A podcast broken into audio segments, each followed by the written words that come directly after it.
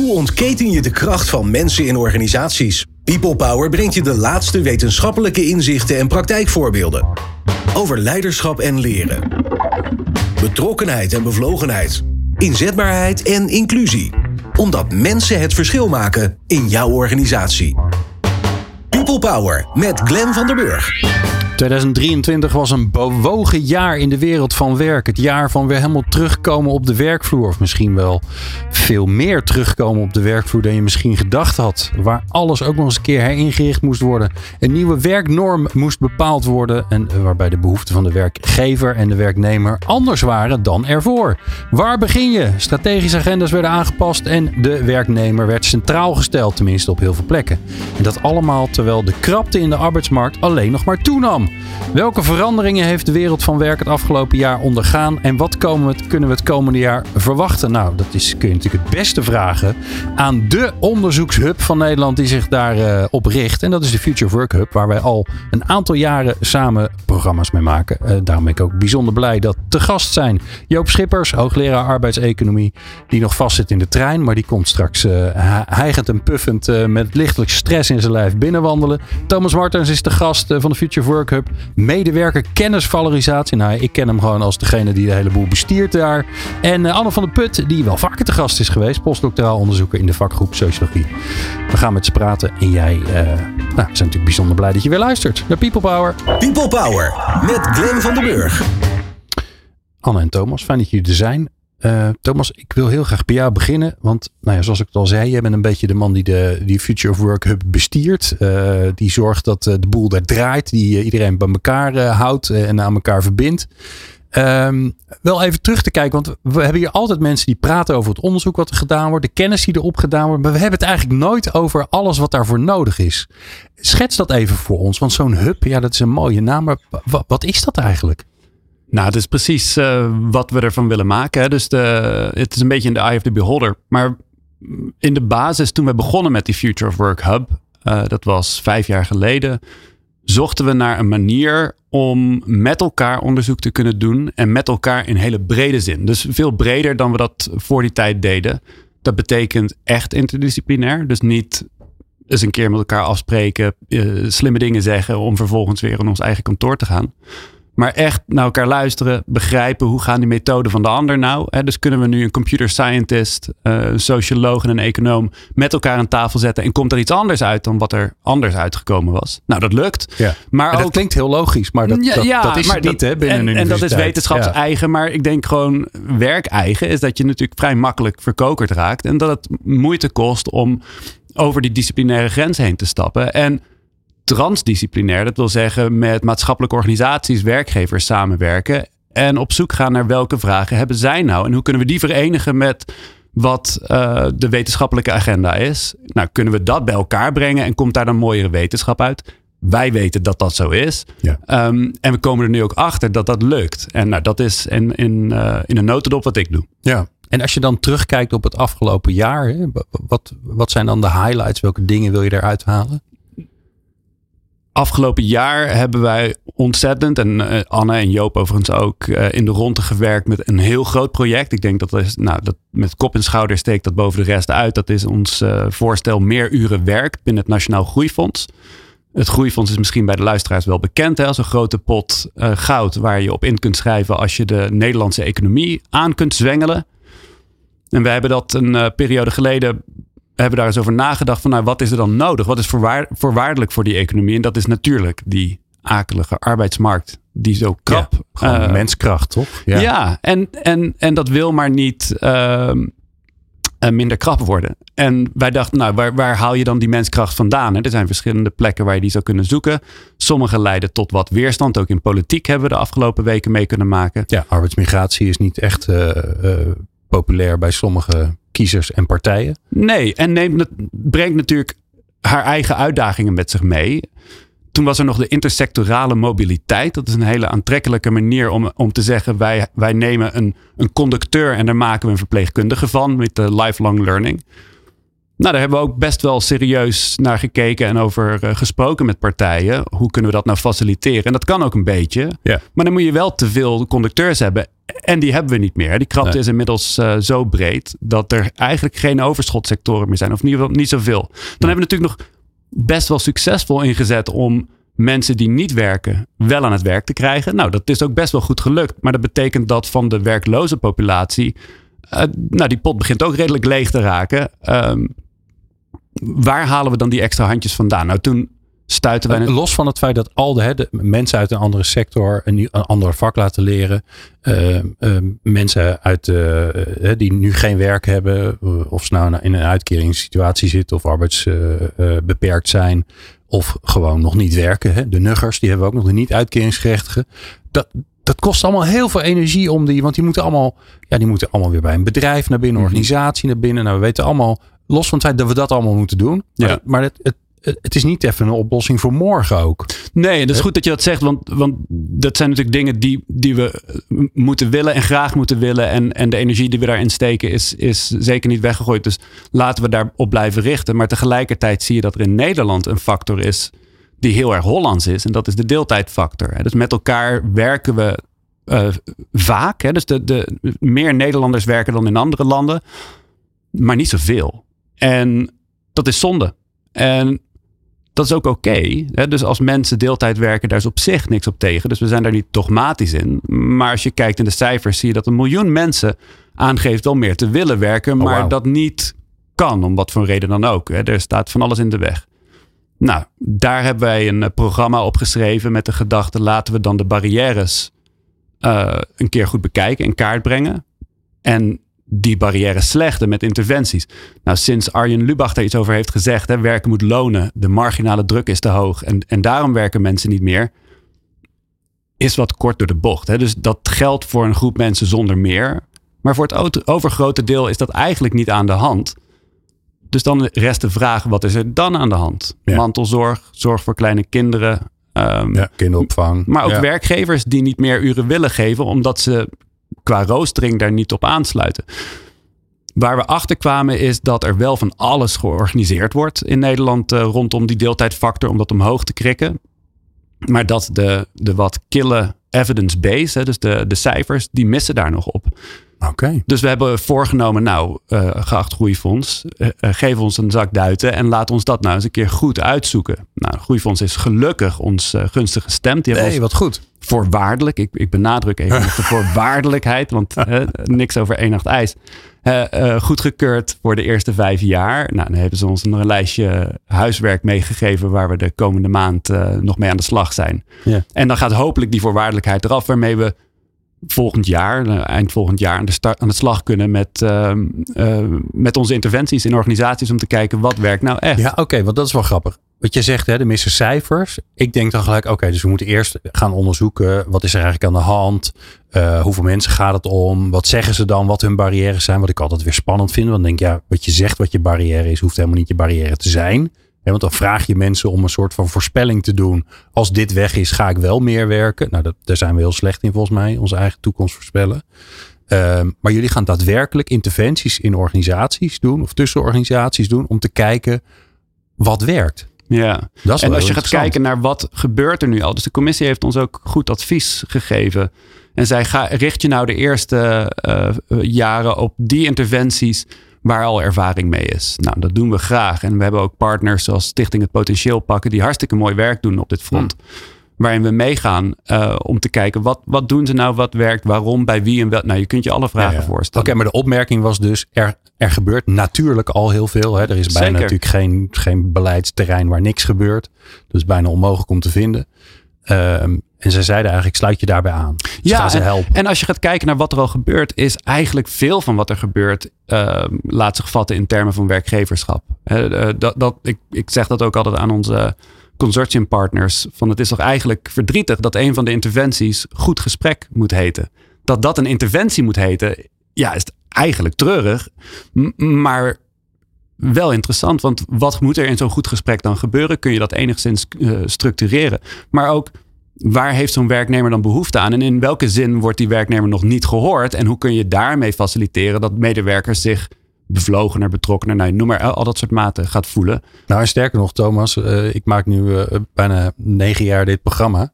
Het goede gesprek, het uh, moedige gesprek, het eerlijke gesprek, nou zet er maar wat voor.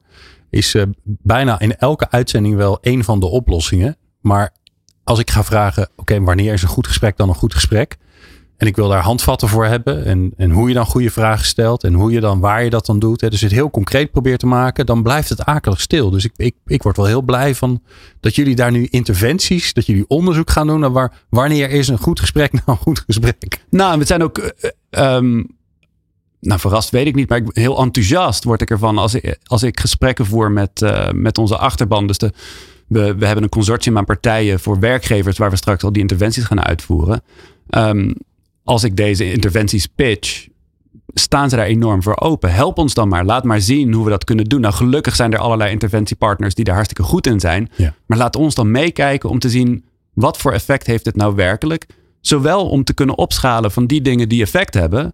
Maar ook vooral om ons niet te laten afleiden door dingen die eigenlijk geen effect hebben. Dus daar staan we ook open en eerlijk in. Ja, nou, en dat is vooral ook heel fijn. Hè? Want er wordt natuurlijk ook een hoop gedaan. Ik weet nog wel dat, dat uh, nee, elke organisatie is natuurlijk druk bezig met feedback en zo. Dat is echt zo'n woord. Nou ja, dat kan je bijna meer, niet meer uit onze, uh, uit onze taal wegslaan. Ja. Terwijl het helemaal geen Nederlands woord is. Uh, ik, ik maak zelf muziek en als je feedback hebt, dan, krijg je, dan, ga, dan gaat je gitaar of je met microfoon rondzingen. Dat wil je niet.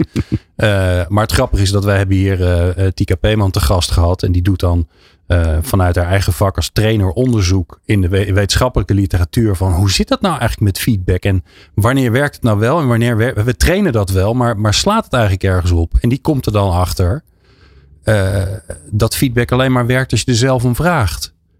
Nou, dat is toch interessant. Hè? Dus al die trainingen kun je dan afvragen, ja, waarom doen we dat eigenlijk? Nou, dat is zich wel goed dat je dat zegt. Dus de, um, ook dat goede gesprek dat moet je je medewerkers niet aandoen natuurlijk. Hè? Dus dat, daar, daar, moet, hè, daar, daar moet We wel... gaan nu dus een goed gesprek hebben, Komt er even zitten voor dat goede gesprek. Ja. Nee, maar dat wordt, nee, je kunt je voorstellen hoe ongemakkelijk dat is. Um, dus dat daar interactie moet zijn en dat daar een basis moet bestaan aan beide kanten. Ja, dat is evident. Maar ja, ga er maar eens aan staan. En dan, hoe doe je dat dan? Hè? Ja, en het, kijk, het gevaar wat daar natuurlijk een beetje in zit. En daar ben ik wel benieuwd naar. Maar het fijne is dat jullie lang onderzoek gaan doen. Is dat alles natuurlijk aan elkaar hangt. Hè? Dus je kunt misschien dat goede gesprek wel goed organiseren. Of, of een andere interventie. Maar ja, als ondertussen er geen psychologische veiligheid is in de organisatie. Of er is een, een, een, een, een cultuur die niet klopt. Hmm. Of je hebt gewoon een hele vervelende leidinggevende. Kan natuurlijk ook. Ja. Ja. Zonder meer. En, en ik vrees dat wij geen interventie voor vervelende leidinggevende eh, op de rol zullen hebben. Dus eh, de, die uitwassen zijn er helaas en, en zullen er blijven.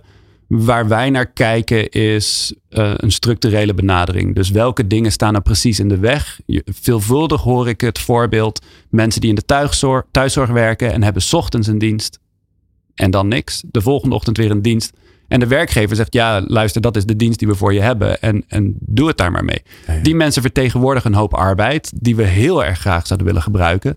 Maar waar blijkbaar een soort structuurprobleem in de weg staat. Nou, kunnen we gaan kijken naar hoe roosters werken? Zijn daar geen slimmere oplossingen dan Excel te bedenken? Uh, nou, die zijn er. Hartstikke mooi. Nou, hoe kun je die op een goede manier implementeren? Maar ook hoe kun je organisatieprocessen op zo'n manier bekijken? Uh, Hajo Rijers is uh, hier ook een aantal keer geweest. Die gaat er naar kijken. Hoe kun je nou organisatieprocessen begrijpen en kleine stukjes arbeid aan die processen toevoegen om te zien wat gebeurt er dan met je hele organisatie? Um, ik denk voor werkgevers om dat beter te begrijpen is voorwaardelijk uh, voor dat meer uren werken. Ja, nou, onwijs interessant. Uh, wij blijven het heel graag volgen. Dus uh, volgens mij gaan we ervoor zorgen. Tot, tot volgend jaar zou ik bijna zeggen. Maar uh, we praten nog door, want we gaan straks uh, um, met Anne van der Put praten over haar favoriete thema. Hetgene waar zij heel veel onderzoek naar doet. En dat is het mooie thema vitaliteit. En dat hoor je zo. Betere prestaties en gelukkige mensen. People Power. We kijken terug en vooruit uh, op het jaar 2023. We kijken natuurlijk vooruit op het jaar 2024 samen met uh, drie superspecialisten van de Future Work Hub van de Universiteit Utrecht. net hoorde je Thomas Martens en um, ook in de studio ondertussen terug ja, ver verlost van zijn opsluiting in een trein. Joop Schippers, hoogleraar arbeidseconomie en Anne van der Put is er. Doctoraal, postdoctoraal onderzoek in de vakgroep Sociologie. Nou, dat Prachtig natuurlijk allemaal. Anne, we hebben jou hier eerder in de studio gehad. Een aantal keer zelfs volgens mij. Um, en ja, jij houdt je met het thema vitaliteit bezig. Dat is natuurlijk een enorm groot thema. Dus ik ga je een kansloze, enorm grote, veel te grote vraag stellen. Wat was dit voor jaar 2023? Is dit, moeten, we, moeten we er blij mee zijn met dit jaar vanuit vitaliteitsoogpunt? Of uh, moeten we ons zorgen maken? Ik denk een beetje van allebei. Um, dat is een heel goed politiek antwoord, ja. nee, je ziet aan de ene kant, hè, je zei net al in de aankondiging van, goh, we gaan weer meer terug naar kantoor, uh, minder ja, thuiswerken. En je ziet ook echt wel dat er sinds de coronapandemie, dat er bij werkgevers ook echt wel een beetje een idee is ontstaan van, oké, die vitaliteit en, en hè, die, die gezondheid en dat welzijn van die medewerkers, ja, dat is toch wel belangrijk. Daar moeten we toch ook iets mee. Um, dus je ziet dat er van allerlei initiatieven zijn die daar rekening mee houden. Maar aan de andere kant, en dat kwam een aantal weken geleden uit, zie je toch ook dat het met de mentale gezondheid, zeker van de jongeren, uh, de jongere werknemers, dat het niet zo heel goed gaat. Hm. Dus vandaar dat ik denk dat we ons ook wel een beetje zorgen moeten maken. hoe komt dat dan? Waarom gaat het met die? Want de, voor mij buigen wij, de niet-jongeren, die er dus niet zelf in zitten, ons hoofd daar een beetje over, omdat we denken, ja maar wacht even, mentale gezondheid, je zorg maken, dat is echt iets wat hoort bij wat ouder worden. Jong zijn, daar hoort een soort zorgeloosheid. Of zou daar eigenlijk bij moeten horen. Moeten horen. Maar ja, we kunnen ondertussen wel uh, concluderen met z'n allen dat dat verre van waar is. Ja, ik denk dat je het zeker, hè, als we het hebben over jongeren, dan, nou, ik reken mezelf daar ook nog, ook nog bij. Dus hè, dat zijn een beetje de mensen die zo net op de arbeidsmarkt uh, hun eerste stapjes zetten. En je ziet aan de ene kant dat zij uh, toch ook wel met een hele hoop onzekerheid te maken hebben. Dat is echt wel een generatie Um, nou, uh, huis kopen is moeilijk. Hè? De rente is hoog. Je hebt een studieschuld, dus je krijgt een hypotheek. Nou, daar maken ze zich zorgen over. Er gebeurt van alles in de wereld. Daar maken ze zich zorgen over. Um, vaste banen, volgens mij gaat het nu weer ietsje beter, maar liggen ook niet voor het oprapen. Nou, daar maken we ons zorgen over. Dat dus blijft ook raar, hè, toch? Ja. Dan is er zo'n krapte op de arbeidsmarkt en dan kun je, kun je redelijk eenvoudig iemand iets bieden wat hij graag wil hebben, namelijk een vaste baan. Ja. Het kost je niks extra, sterk nog. Het is goedkoper scheelt je 5% WW-premie en toch wil dat nog niet echt. Nee, nee. En aan de andere kant, je ziet ook bij, hè, bij de jongeren zelf veel, veel twijfel. Kijk, we zijn natuurlijk ook wel een beetje opgegroeid in een tijd waarin alles mogelijk is. Ik was van de week was ik op een feestje met een uh, aantal mensen die zelfs nog jonger zijn dan ik. En die staan echt aan het begin van hun carrière. En die denken, ja, wil ik dan dit doen of dat doen? En er zijn zoveel opties. En ze willen gelijk hun droombaan. Ja, ja. En ja, dat, dat, hè, dat, dat lukt misschien. Kijk, voor sommigen is het wel gelukt. Die waren heel, heel blij. En anderen die waren nog een beetje aan het worstelen. Dus er zijn gewoon zoveel opties en zoveel verwachtingen, dus verwachtingen ook, van zichzelf en van de wereld om hen heen. Um, ja. Ja. ja, want de teleurstelling ontstaat pas als de werkelijkheid niet voldoet aan de verwachting. Dus Klopt, ja. misschien zit daar dan ook wel wat in. Ja, ja, en tegelijkertijd zijn het ook, ja, hè, weet je, zegt, ze verwachten veel van het leven en, en gewoon allerlei, veel ballen willen ze hoog houden. Dus werk is belangrijk, vrienden zien is belangrijk, hè, tijd voor jezelf, ontspanning, uh, zorgen om het klimaat, daar iets voor doen. Dat, er zijn zoveel dingen waar, uh, ja, en dat wordt allemaal een beetje veel. Ja, als je nou zelf terugkijkt, hè, want jij, jij, uh, jij doet ook onderzoek en je, je ziet ook veel onderzoek om je heen gebeuren. Wat, wat, voor, wat, is er, wat voor interessants kun je van het afgelopen jaar delen? Wat je zegt van nou, dit was echt heel, heel mooi wat we gedaan hebben, waar we ook trots op zijn. Um, ja, wat we zien is dat er, wat ik net al zei, er is wel meer aandacht voor vitaliteit binnen organisaties. En ook steeds meer het idee, daar moeten we wat mee. Ook steeds meer het idee, dat hoeft niet allesomvattend groot te zijn, maar ook kleine dingetjes kunnen helpen. Dus hè, zorg eens dat mensen tussen de middag kunnen gaan wandelen, zodat ze daarna weer fris aan de slag kunnen.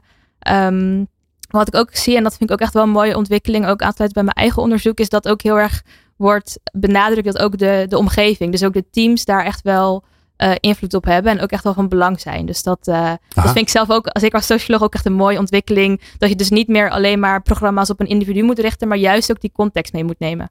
Ja, ja, en dat kun je niet vaak genoeg herhalen volgens mij. Nee, zeker niet. Want dat is natuurlijk een beetje ook de um, ontwikkeling van de afgelopen jaren geweest. Ook als je het hebt over de ontwikkeling van mensen aan zich. Hè. We hebben heel veel zelfhulpboeken, heel veel uh, persoonlijke effectiviteit. Uh, wat wil jij in het leven? Terwijl ja, ik ben toch echt wel heel erg een fan van dat een belangrijk gedeelte van je ontwikkeling komt door de mensen om je heen en de vragen die ze aan je stellen en de, ja, eh, de stimulans die ze geven of de, de ideeën die ze voor je hebben. Zeg je, ja, waarom ga je eigenlijk niet dit doen? Want volgens mij kan je dat heel goed. Ja. Maar dat zit dus ook in die vitaliteit in die teams. Dus juist. Ja, dat, dat zie je steeds meer. Ik ben bijvoorbeeld ook aangesloten bij een initiatief. En dat komt eindelijk, zou ik zeggen, ook een keer vanuit de overheid. Want het is heel lang gedacht, nou, de vitaliteit, dat hè, laten we lekker bij die werkgevers. En die hebben er ook niet altijd zin in. Maar nu is daar toch ook wel een beetje het idee ontstaan van, goh, um, ja, we hebben daar zelf misschien ook iets, uh, iets in te doen. En dat heet dan de Beweegalliantie. Dus als doel dat, dat meer mensen gaan bewegen. En ik ben dan aangesloten bij de Cirkel Werk. Dus ze proberen in allerlei settingen proberen ze dit uh, te doen, waaronder dus op het werk. En daar is ook heel erg het idee van hoe kunnen we nou in elk team ja, een soort van coach of een soort van iemand die het enthousiasme aanwakkert om Ja, ja. daar met elkaar iets aan te gaan doen. En dat, dat vind ik eigenlijk alleen maar heel mooi. Ja.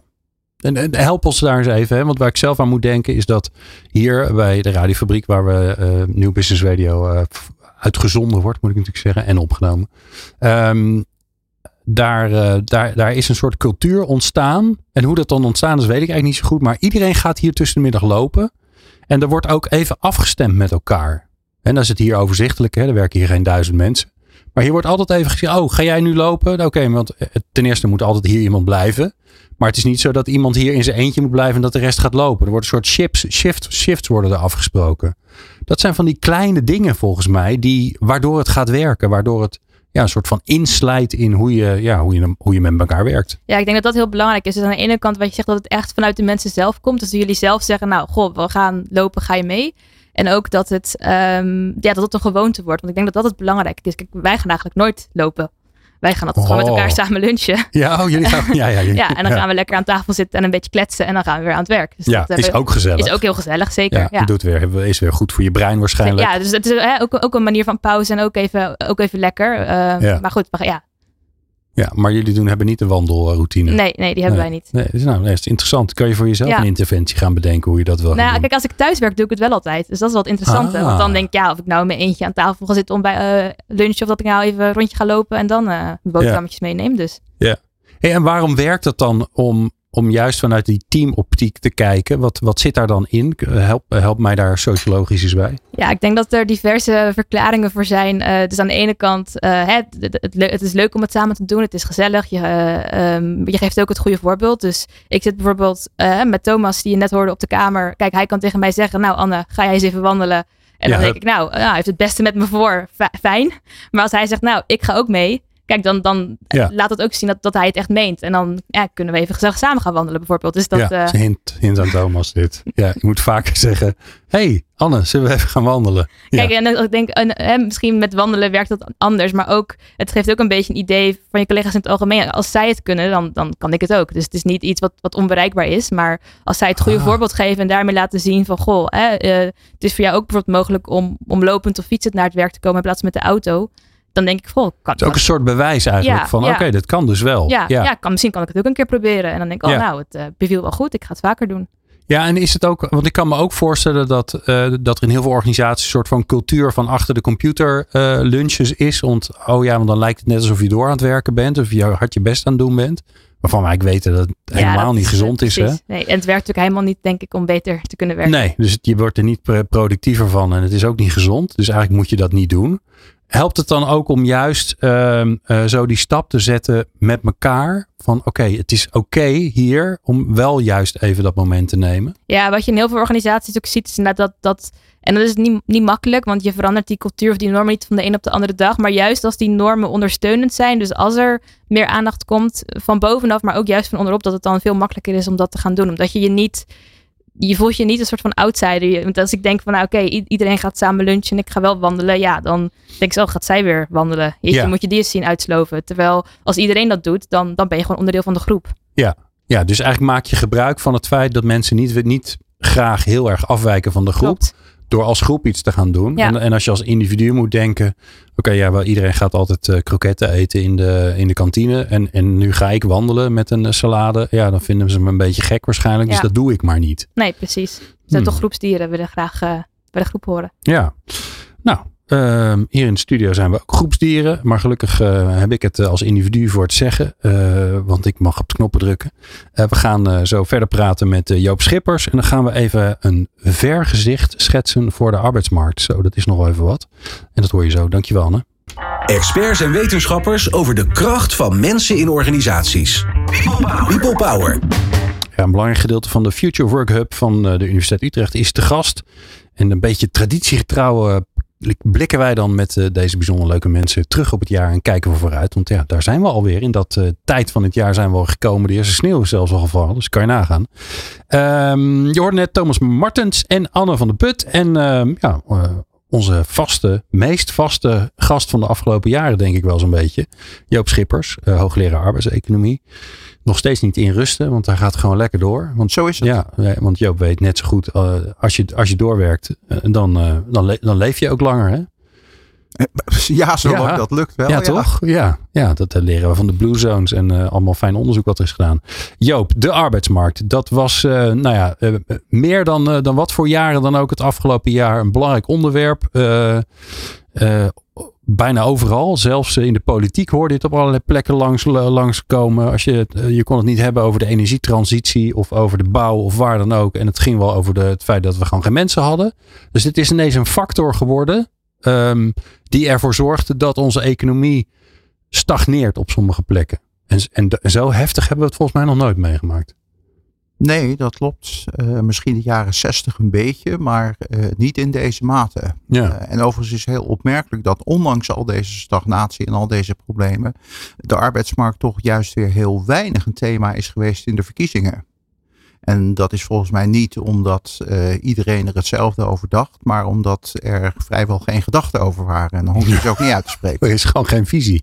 Precies. Nee. Nee, en er wordt er wel even heel makkelijk gezegd, ja, arbeidsmigranten is echt vervelend, want die moeten ook allemaal in een huis wonen. En uh, laten, we die, laten we daar dan maar de rem op zetten. Dat is het enige onderdeel van de hele problematiek wat ook wel een keer benoemd is. Ja. ja.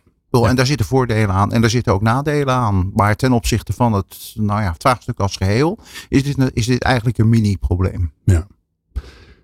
Um, ja, ik zit een beetje te denken wat we zullen doen. Want we kunnen natuurlijk terugkijken op wat er nou precies gebeurd is. Um, maar we kunnen ook wat langer vooruitkijken. Wat, waar, waar heb je zelf zin in? Ik kijk altijd liever vooruit ja? dan achterom. Ja, want ik begreep ook dat jij ver vooruit bent gaan kijken. Dat je zelfs bent gaan kijken naar uh, de arbeidsmarkt richting 2075. Wat Ja. echt een heel eind vooruit is. Ik moest een stuk schrijven voor een Oostenrijkse krant, magazine, dat heet Der Pragmaticus. Ach zo. Ja, mm, eh, en ik heb het zelfs in het Duits gedaan. Oh, nagaan. kijk, kijk Eh, maar die vroeg inderdaad eh, voor een eerste nummer van volgend jaar een vooruitblik 50 jaar vooruit. Dus 2024, 2074. En nou ja, er is niet zo moeilijk als vooruitkijken. Wat dat betreft is achteruit veel makkelijker. Ja. Maar toch, de uitdaging is groter vooruit. Wat zie je dan? Eh, dan zie je dat bijvoorbeeld de krapte op de arbeidsmarkt grotendeels voorbij is. Want die is vooral demografisch eh, bepaald. En dat duurt een jaar of twintig, zo tot halverwege deze eeuw. Eh, en daarna komen vraag en aanbod weer een beetje met elkaar in balans. Want dus- dan hebben we eigenlijk de, de, de, de bult van de babyboomers is dan ja, en de, overleden, de- helaas. De, de, nou, nog niet overleden, moet Nee? ik hopen. Eh, in 2075 toch wel? Nou ja, 2075 wel. Maar worden ze wel heel oud. 2050 dan zijn die mensen bij wijze van spreken, eh, nou ja, 90 of zo. En Ja, ja. dus steeds meer van hen zullen ook de 100 halen. Ehm, maar eh, laat ik zeggen, de, de enorme daling van het geboortecijfer in de jaren 70, 80 en 90. eh, dat effect, dat is dan weg. Ik bedoel, we komen, zitten nu al een aantal jaren in een wat stabieler eh, patroon. En dadelijk, nou ja, laat ik zeggen, zijn, vragen, zijn eh, geboorte en sterfte, die zijn min of meer met elkaar eh, in evenwicht. Helemaal precies kun je dat nooit, ze- nooit zeggen. Maar aangevuld dan inderdaad met wat instroom vanuit het buitenland, is het min of meer een evenwicht. Dus dat Ja. probleem, dat, eh, dat laten we eh, het ene Europese land eerder dan het andere Europese land, maar laten we min of meer achter ons. Wel grappig dus, als je, maar, als, je ver, als je echt ver gaat kijken. Dus als je nu zegt over tien jaar, wat is dan het onderwerp? Dan zou je eigenlijk gelijk zeggen, ja, arbeidsmarktkrapte nog steeds. Nog steeds over maar kijk, jaar. kijk je 50 jaar verder, dan zeg Dan je, daar meer. hoeven we het eigenlijk niet meer over te hebben. Nee, als er geen rare dingen gebeuren. En rare dingen zijn natuurlijk dingen als epidemieën, oorlogen enzovoorts. Ja. Eh, ik bedoel, als wij een derde wereldoorlog krijgen, inclusief de sterftecijfers van nu, bij wijze van spreken, eh, het aantal Russen in de Oekraïne en Oekraïners in de Oekraïne of de Eerste Wereldoorlog. Ja, dan krijg je een, een heel ander verhaal. Maar Ja, goed, ja. laat ik zeggen, dat is onvoorspelbaar. Dus daar wagen we ons maar niet aan. Nee. Maar hoe ziet het er dan wel uit? Nou ja, dan is denk ik toch de dominante ontwikkeling eh, die van de technologie. Dat er heel veel werk is wat nog weer verder veranderd is dan nu het geval is. je ziet nu al dat heel veel werk, dat daar op een of andere manier technologie een rol bij speelt. Nou ja, als je hier in de studio kijkt, bedoel, ik zie zo zes beeldschermen. Ja, sparen ze. Ja. Bedoel, en nou ja, laat ik zeggen, er allerlei programma's enzovoorts. En nou, dat wordt in de toekomst wordt alleen nog maar meer. meer dingen die we, nou ja, ik zeggen, voor ons kunnen laten doen door, door robots. En tegelijkertijd dingen die we niet kunnen nog steeds, nog steeds niet kunnen laten doen door robots of niet willen laten doen door robots. En het is met name die laatste vraag van hmm. waar willen we nu onze mensen voor inzetten en wat willen we door technologie laten doen, waarvan ik eigenlijk gehoopt had dat de politiek die vraag veel meer zou oppakken, want dat is voor de kwaliteit van het bestaan van mensen, en tegenwoordig plakken we daar dan het label brede welvaart op, uh, ja, is dat buitengewoon belangrijk. Ja, ja en, en zeg jij dan ook, omdat we dat niet doen, en meer reactief eigenlijk zijn uh, in, in wat kan wel en wat kan niet. Laten we het ons een beetje overkomen. En want, nou ja, ik merk het de laatste tijd. Um, een half jaar geleden, drie kwart jaar geleden hadden we op verjaardagsfeestjes gesprekken over uh, isoleren en uh, hoe hoog het gasver, uh, gasverbruik was. Ja, ik heb hele leuke feestjes. Um, en nu merk ik dat op feestjes, dat, dat mensen van mijn leeftijd, zeg maar rond de 50, dat die tegen zeggen, nou, ik heb van de week met AI zitten stoeien en ik heb plaatjes gemaakt en ik heb filmpjes gemaakt en ik heb een, een avatar van mezelf gemaakt. Het is niet te geloven wat er allemaal kan. Ja. Dus je, je merkt dat die adaptatie, dat die heel snel gaat. Maar er zit nog helemaal geen rem op natuurlijk. Er zit geen rem op. En erger nog, er zit ook geen sturing op. Nee. Uh, dus we zitten met z'n allen in een soort, nou ja, laat ik zeggen, in een voertuig wat we niet, waarvan we tempo niet kunnen bepalen. Maar ook de richting niet. Dat is tamelijk onveilig rijden. En ook ongewis rijden. Uh, en dat betekent dat uh, nou ja, er allerlei mensen zijn die keuzes maken. Ik bedoel, dat zijn in het algemeen marktpartijen. Ik bedoel, zoiets als, uh, hoe heet het, van die programma's die inderdaad teksten kunnen genereren. Ik bedoel, dat wordt niet door een overheid aangestuurd. Dus misschien ook maar goed ook. Maar ja, laat ik zeggen, welk bedrijf van goede wil of kwade wil dat soort dingen doet. ja, daar zijn wij min of meer aan overgeleverd. En daar hebben we dus niets over te zeggen. De discussie die we nu recent hadden over, ehm, in de media over uh, foneet, nee, fono, fo, foto, ja, je moet me echt helpen, want ik heb echt geen idee. Eh, dat Omschrijf het maar. Uh, nou ja, laat ik zeggen, dat ging over nog slimmere chips die, uh, hoe heet het, uh, op licht werken. Fotonica. Oh, oh, dat is het woord waar ik naar zocht. Ik gebruik het ook nog niet zo vaak, dus vandaar dat het even nee, ik snap hem, ja. komen. Maar daarvan heeft nu de Nederlandse overheid gezegd, of althans heeft de, Nederland, maar niet alleen Nederland, maar ook samen met Europese partners gezegd van ja, dit is zo belangrijk. dat gaat over de chips van de toekomst. En we willen niet hebben wat we met de ik zal maar zeggen, de oude chips. Daar zitten ook nieuwe chips bij. Maar de oude chips die nu vooral, uh, hoe heet het, uh, op Taiwan gemaakt worden. Uh, Wat vroeger bij wijze van spreken bij Philips in het NatLab ontwikkeld werd, maar niet verder uitgebouwd. En dus is de technologie verdwenen en hebben anderen in het buitenland dat opgepikt.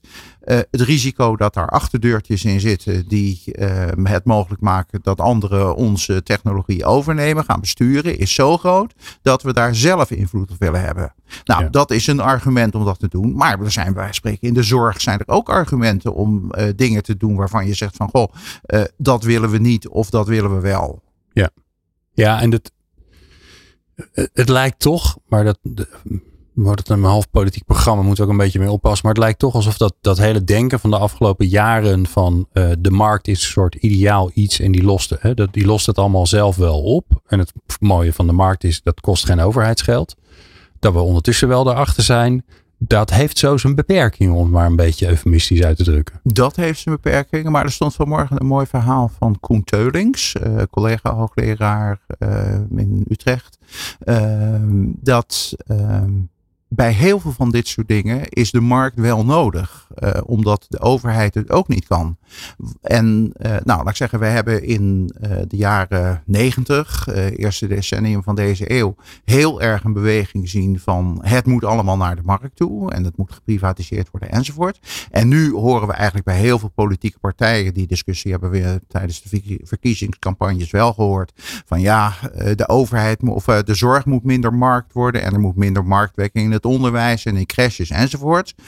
En dat daar gesignaleerd wordt dat er dingen doorgeslagen zijn, dat is ook waar. Maar om te denken dat de overheid, uh, dat die zelf uh, de hele energietransitie gaat regelen, uh, zowel organisatorisch als qua hoeveelheid kapitaal die daarvoor nodig is, dat is ook niet waar. Nee. Dus daar zul je bedrijven bij nodig hebben. Vermoedelijk heb je zelfs grote bedrijven daarbij nodig. Ik zie niet voor mij, en dat is niet een heel populair standpunt, maar hoe wij de energietransitie in Nederland voor elkaar zouden kunnen krijgen, in Europa voor elkaar zouden kunnen krijgen, zonder bedrijven als Shell, met de know-how, de technologie en de, de competenties van mensen. Ja. Uh, bedoel, je kunt zeggen, daar bemoeien we ons niet meer mee en we gaan zelf een soort parallel iets opzetten. Maar ja, daar heb je dan de mensen weer niet voor. Nee. Dus het gaat veel meer om te zorgen dat je het een beetje inkadert, dat je het ordent. Een geordende markteconomie, daar hebben we eigenlijk sinds de jaren 50 in Nederland naar gestreefd. Dat is heel lang heel goed gegaan. Dat hebben we nu een beetje losgelaten. Maar eigenlijk is dat hetgene waar we weer naar terug zouden moeten. Uh, en dat is ook hetgene wat ik bij wijze van spreken iemand als Kim Pudders, de voorzitter van de SER, regelmatig uh, hoor zeggen. En dat steun ik ook zeer.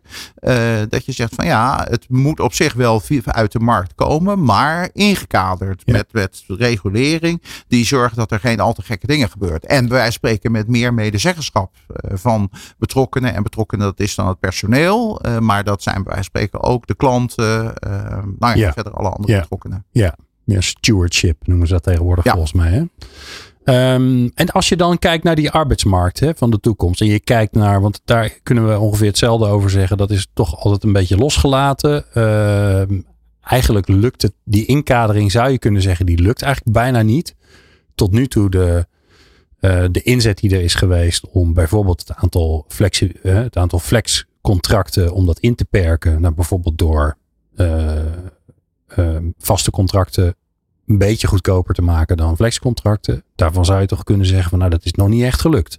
Maar het is ook nog niet echt geprobeerd.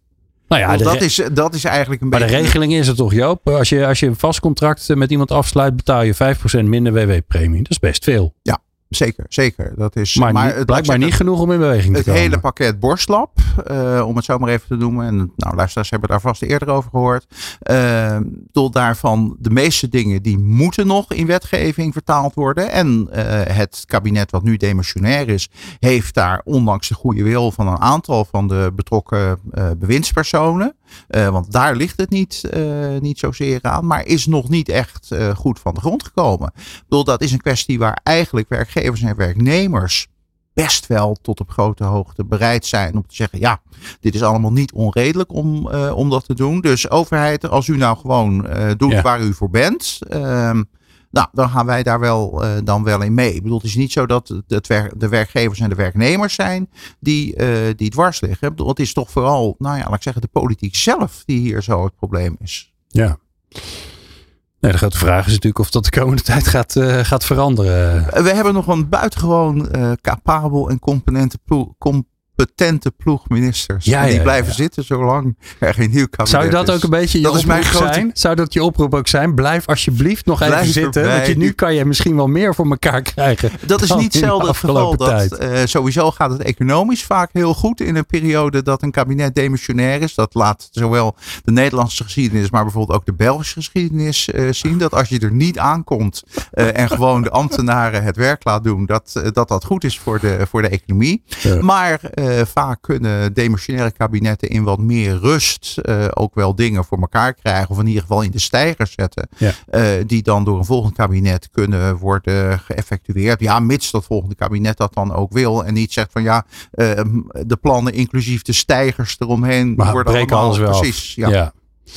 Ja, dat gebeurt volgens mij dan weer niet zo vaak. Dat vind ik altijd wel, uh, wel opvallend. Precies, er, er zijn niet een grote dosis veel... continuïteit ja. in, uh, in, het, uh, in het beleid. Ja. Nou ja, dat moet ook wel. Want anders dan eh, worden uh, bedrijven en organisaties weer heel verdrietig. Uh, als weer alles maar een beetje veranderd wordt. Uh, dankjewel Joop. Een mooi, mooi vooruitblikje. Um, ik wil nog even een rondje langs de velden, zoals dat zo mooi heet. om van jullie allemaal te horen, of eigenlijk te voorspellen. Dat is altijd weer spannender hè. Waar zal 2024 over gaan? Wat wordt het meest belangrijke hot topic van 2024 als we het hebben over het thema werk?